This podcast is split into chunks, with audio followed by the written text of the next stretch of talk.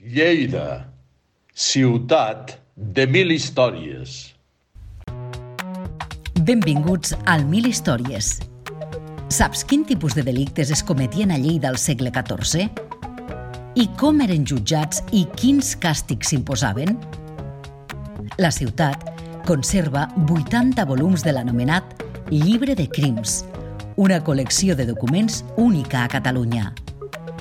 Si no has sentit mai a parlar d'un moble que pesa una tona, l'armari de les cinc claus, o no saps quin és el primer pergamí que va donar origen a l'arxiu municipal, et convidem a quedar-te amb nosaltres. Mil històries. Avui al Mil Històries hem vingut fins a l'arxiu de la Paeria de Lleida perquè tenim l'oportunitat i el plaer de que ens rebi la cap de l'arxiu municipal, la Yolanda Juanes. Yolanda, gràcies per rebre'ns. Hola, bona tarda, Gina. Gràcies a vosaltres per venir, sobretot a tu. Gràcies per permetre'ns, a més a més, que ara ho farem, descobrir una mica la història d'aquest arxiu i sobretot aquells secrets o aquells documents o allò més curiós que, que amaga, no, que custodia, no, que guarda, perquè no ho amaga, de fet, eh, és al servei de la ciutat. El que passa que de vegades tenim coses com aquestes tan interessants i no les coneixem prou, Yolanda. Exacte, sí, sí, el que fem és custodiar la documentació que genera l'Ajuntament de Lleida i aquella documentació tan antiga que podem contemplar i que podem entrar i investigar i mirar. Doncs vinga, si et sembla bé, som a la paeria i entrem a l'arxiu. Doncs pues vinga, entrem Fem una mica de passejada per l'arxiu municipal, eh? l'arxiu de la ciutat de Lleida, que té doncs, històries molt interessants que explicar i que volem difondre i divulgar des d'aquí. Doncs sí, mira, el que fem, el que hem fet ara és entrar a l'arxiu, a l'arxiu de la ciutat. Podem, els oients no poden veure, però eh, estem entrant en un arxiu que està situat en aquest mateix lloc des de l'any 1933, justament quan es restaura la, tot l'edifici, la paeria, es decideix posar en aquest lloc i és el mateix que veus que, que podria veure una persona dels anys 30. Podríem canviar, clar, hauríem de treure els ordenadors, la impressora, els telèfons, però estàs entrant en un arxiu igual que estava a principis de, del segle XX. Ara hi ha el material, lògicament, de l'evolució tecnològica, però continuem veient les taules, no? Sí, sí. Eh, primeres, que les primeres arxiveres o arxivers utilitzaven. Exacte, sí, sí. Està, conservem hasta la taula de, de l'arxiver, que és la mateixa que es va, que es va fer als, als anys 30. I bé, aquí el que fem és conservem la, docu la documentació més antiga de l'Ajuntament la, de, de Lleida. El primer document que conservem és de l'any 1150, que és aquest que hi ha aquí al darrere, que tu pots veure, Gina. Uh -huh. Aquest és un facsímil, és una còpia autoritzada, és la carta de poblament i està datada del, del, mil, del 1150. Segle XII, no? Del segle XII, i és el primer document que dona origen al nostre arxiu. A partir d'aquí, doncs, tota la documentació que han anat generant l'Ajuntament fins a l'actualitat. I aquest facsímil és aquí, eh, lluint, diguem, però l'original és guardat i custodiat a l'arxiu. Exacte. L'original és el primer de la col·lecció dels pergamins, n'hi tenim 600 de pergamins, i antigament, i així m'ajuda a explicar-te el que et vull explicar ara, es conservaven en aquell armari que veus allà al darrere, que podem nosaltres contemplar, que és l'armari de les cinc claus, o l'armari dels privilegis també, que si vols després ja entrarem a explicar-ho. Però sí, sí, el, cost, el custodiem, eh, juntament amb els 600 que tenim, el custodiem nosaltres a, a un altre espai, perquè aquí no hi, no, no hi ha lloc, diguéssim, però sí, sí, es custodia sota, sota la protecció de l'arxiu municipal. Per tant, de moment ja tenim dos dels tresors d'aquest arxiu, eh? aquest document i després ja parlarem de l'armari de les cinc claus. Mil històries. En aquest cas està escrit en llatí. El que passa que és un llatí ja molt catalanitzat, no? La dificultat no és en l'idioma en aquest cas, sinó que és en la grafia, no? en la manera com està escrit. És cert que, que si ens apropem, de lluny potser no tant, ens apropem podríem definir alguna lletra, però ja t'ho dic, que la dificultat és amb la grafia, amb aquestes eh, sí, amb aquests signes que feien, la, les abreviatures, i aquest és un document que, que signat pel Ramon Berenguer IV uh -huh. i l'Ermengol VI, que són els dos comtes que van conquerir la ciutat a l'any 1149, un any abans d'escriure de, la carta, a la, als musulmans. Aquesta terra era, està ocupada per musulmans i els, i els comtes el que fan és ocupar-la i en aquesta carta escriuen que tots aquells cristians que vinguin a repoblar la ciutat de Lleida ho faran de forma lliure i amb una sèrie de privilegis. Uh -huh. I queda aquí constància en aquest primer document que és el que dona origen a la nostra actual ciutat, diguéssim, de Lleida.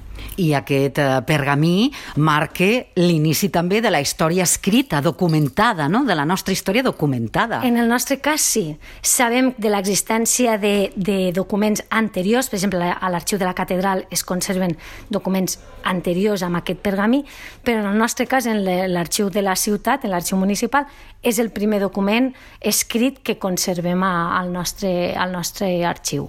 Molt curiós. T'explicaria l'armari, no? Perquè, a més, és el moble més, més antic que tenim en, tota, en tota, tot l'Ajuntament.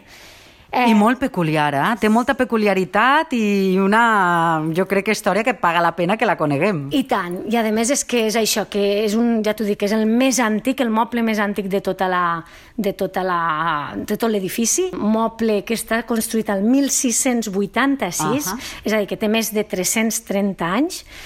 És un armari que està feta de, de fusta de, de noguer, no fa massa temps el vam restaurar. Sí que ens van dir amb la restauració, ens va servir molt per explicar-nos que no tot l'armari és, és d'aquell any, sinó que hi ha afegitons o aquestes columnes, tot el fris de dalt, potser, les no? lletres, exacte, que és posterior per fer-lo més bonic, perquè tenia l'única finalitat que tenia la de conservar la documentació per tenir-la ben, ben guardada, que no, que no s'extraviés, no?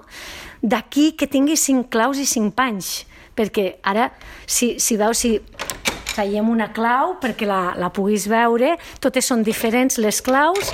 És i... espectacular la peça, l'armari, sí, perquè de dimensions sí, és espectacular, i les claus també. Les Vull claus, dir que no sé si, si eren habituals aquest tipus de... de... Sí, era habitual sí? a l'època, mm -hmm. perquè eh, els documents normalment viatjaven amb els, eh, amb els reis, diguéssim, amb els comtes, al moment que hi ha una institució necessiten un espai perquè aquest aquests documents siguin, pensa que eren la base de la institució, eren tots els privilegis dels reis otorgaven a la ciutat, i, i necessitaven un espai on guardar-ho.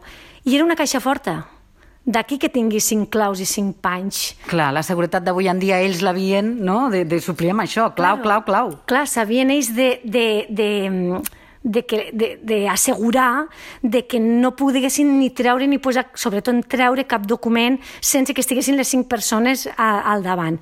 Qui tenien aquestes claus? Cinc persones, cadascú cinc tenia una clau? Cinc persones, exacte. Cinc persones, la primera la tenia el pa en cap, uh. -huh l'alcalde a Lleida. Tenim aquesta peculiaritat tan bonica que l'alcalde rep el nom de paer, és una paraula que ve del llatí que vol dir home de pau, d'aquí també el nom de la paeria, i la primera tenia el paer en cap, la segona, tercera i quarta serien els tres actuals tinents d'alcalde, però serien també el, pi, el paer segon, tercer i quart, uh -huh. que este havia la figura dels paers, eren quatre, i la última la tenia el secretari, amb el temps, la última clau nos la van donar als arxivers, que al final som els responsables de tenir cura de la documentació. Llavors, si vols l'obrim sí, sí, sí, i almenys sí. notem l'essència de, del passat,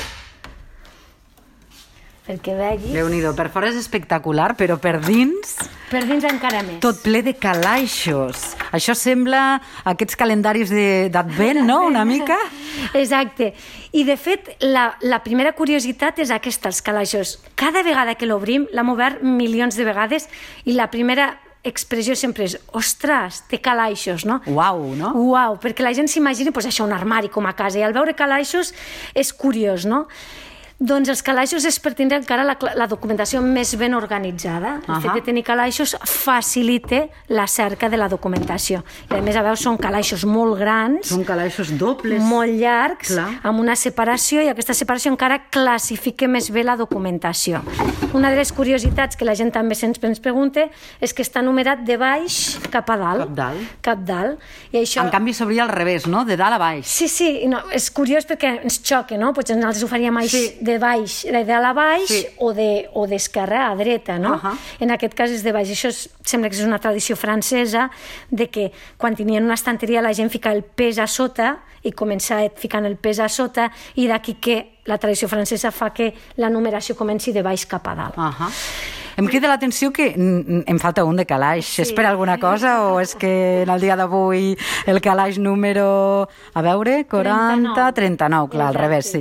Aquesta és la segona expressió que fa la gent quan, quan obre l'armari. La primera ens crida l'atenció els calaixos i aquests Clar. números tan bonics daurats que estan molt bonics posats i l'altra és, ostres, falta un calaix. Doncs sí, falta un calaix, però la veritat és que no podem explicar massa coses del calaix perquè no ho sabem. Ah, perquè no ho sabem.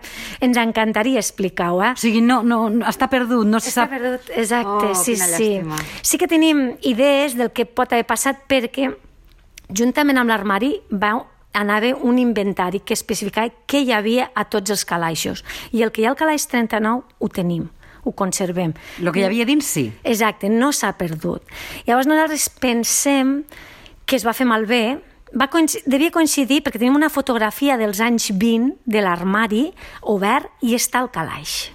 I després l'agarra l'arxivera que ja va venir, que va entrar l'any 39, l'arxivera una arxivera gran, que la va conèixer, que jo la vaig conèixer quan venia aquí d'investigadora, sempre deia que no l'havia vist. Llavors nosaltres pensem que es va fer malbé potser el pomet aquest o alguna fusta de les que, de les que hi ha dintre i se'l van endur a arreglar i mai més va tornar. Llavors nosaltres sempre tenim aquesta esperança primer de que algun dia trobarem entre tots els documents l'explicació, no? ni que sigui una factura de que digui, pues mira, és que l'han portat a arreglar o alguna cosa, i, però juguem molt amb això, sobretot els nens petits que tenen molta imaginació i es pensen que, ui, què deu haver passat.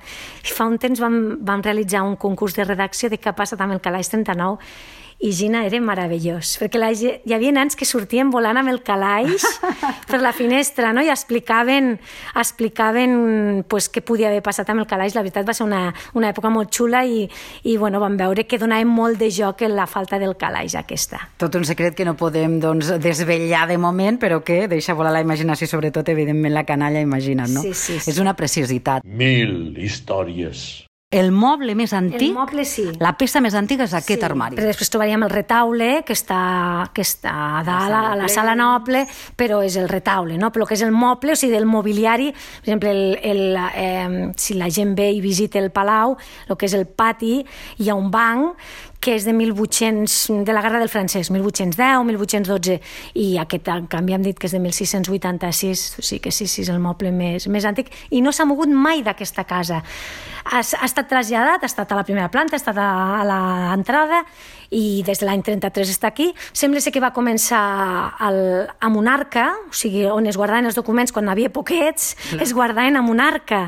I a mesura que, clar, la- els arxius creixen de forma natural, com nosaltres, els nostres arxius, no? Clar. que anem creixent, creixent, doncs, doncs va arribar un moment que l'arca aquesta es va, fer, es va quedar petita i van fer un armari que tenia menys calaixos que aquests, però es va, que- es va cremar a la guerra de successió, a la, a la guerra dels segadors, perdó.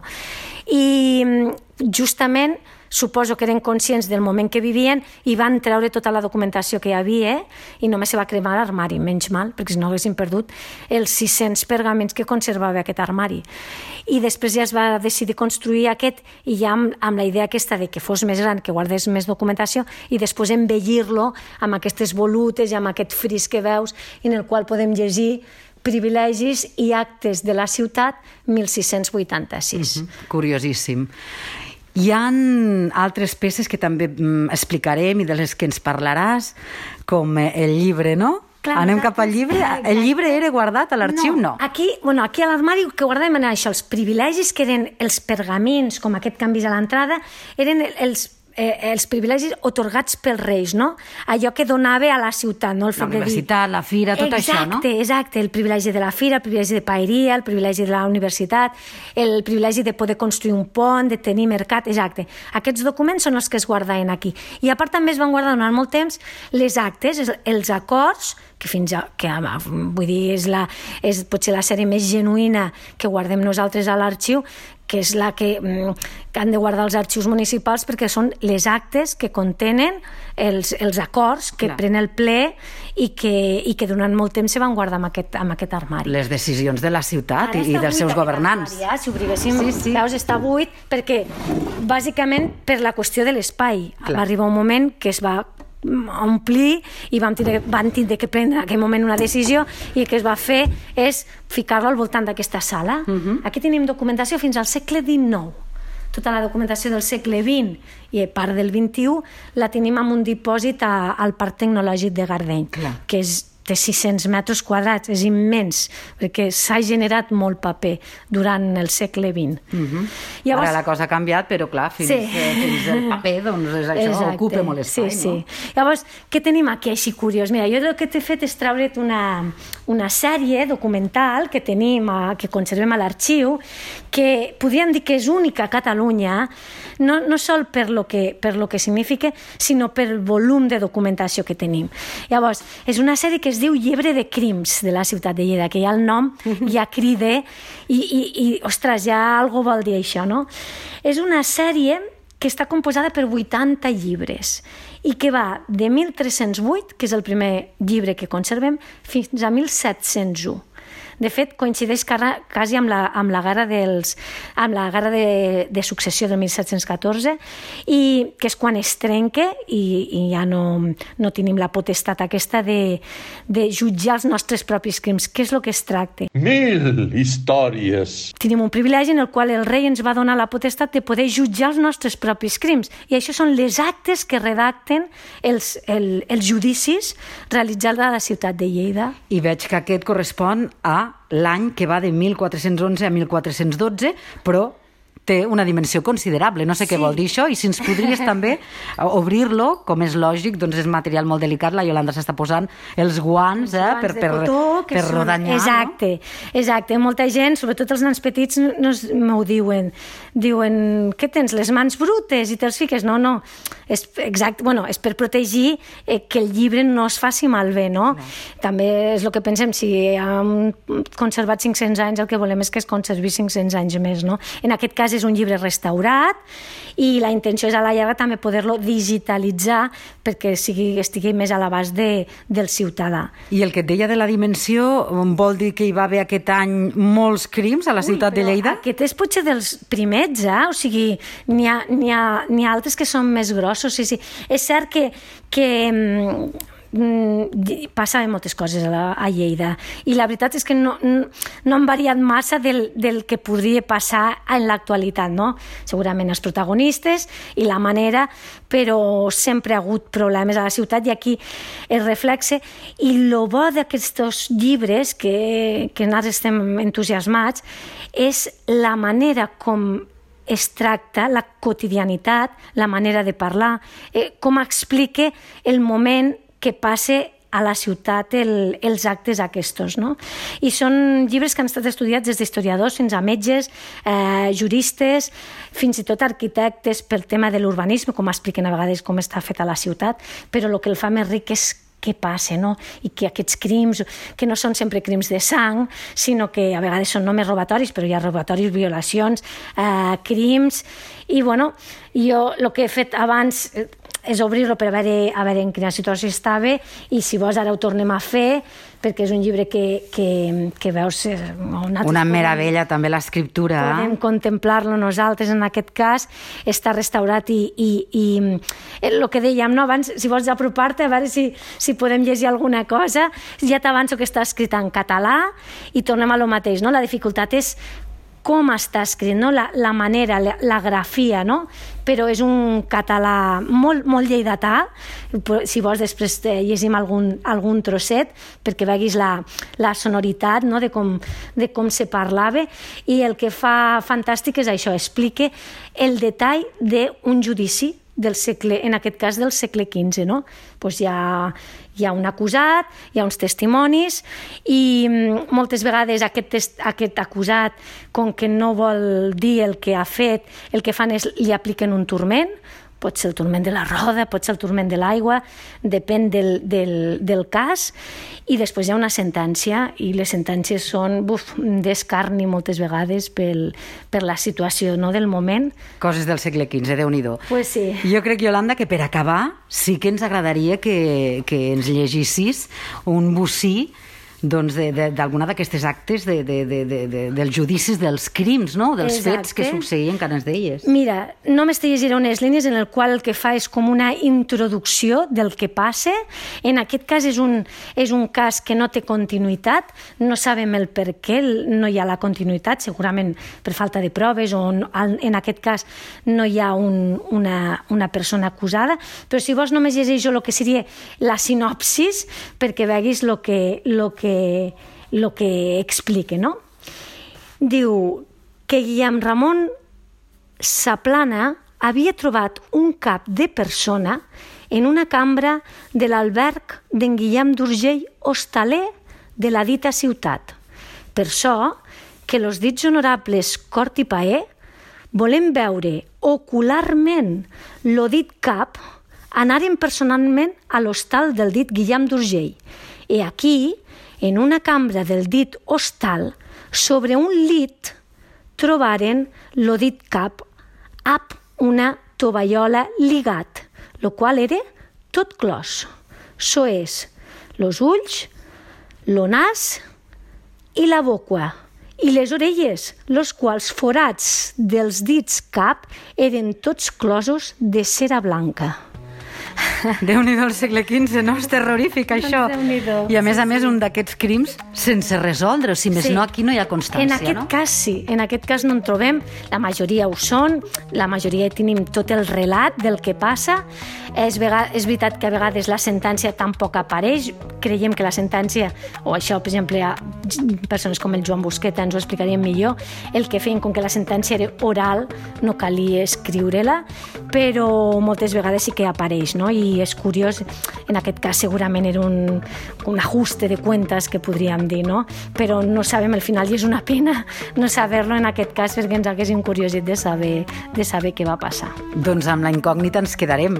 I Yolanda, només ens queda agrair-te moltíssim aquest petit passeig que hem fet pel nostre arxiu que guarde meravella rere meravella. Meravella, sí, sí. Aquest és un petit mm, exemple que t'he posat, però podríem trobar-n'hi moltíssims i us convido, convido a la, a la ciutadania que si mai es volen apropar al nostre arxiu, a l'arxiu de la ciutat, ho poden fer que seran benvinguts. Nosaltres avui només n'hem fet un petit tastet, però que siguem conscients, si més no, d'aquestes peculiaritats i aquests tresors que de veritat ho són, que tenim a la nostra ciutat i a la nostra paeria. Yolanda Juanes, la cap de l'Arxiu Municipal de la Paeria de Lleida, milions de gràcies. Moltes gràcies a tu, Gina. Lleida, ciutat de mil històries.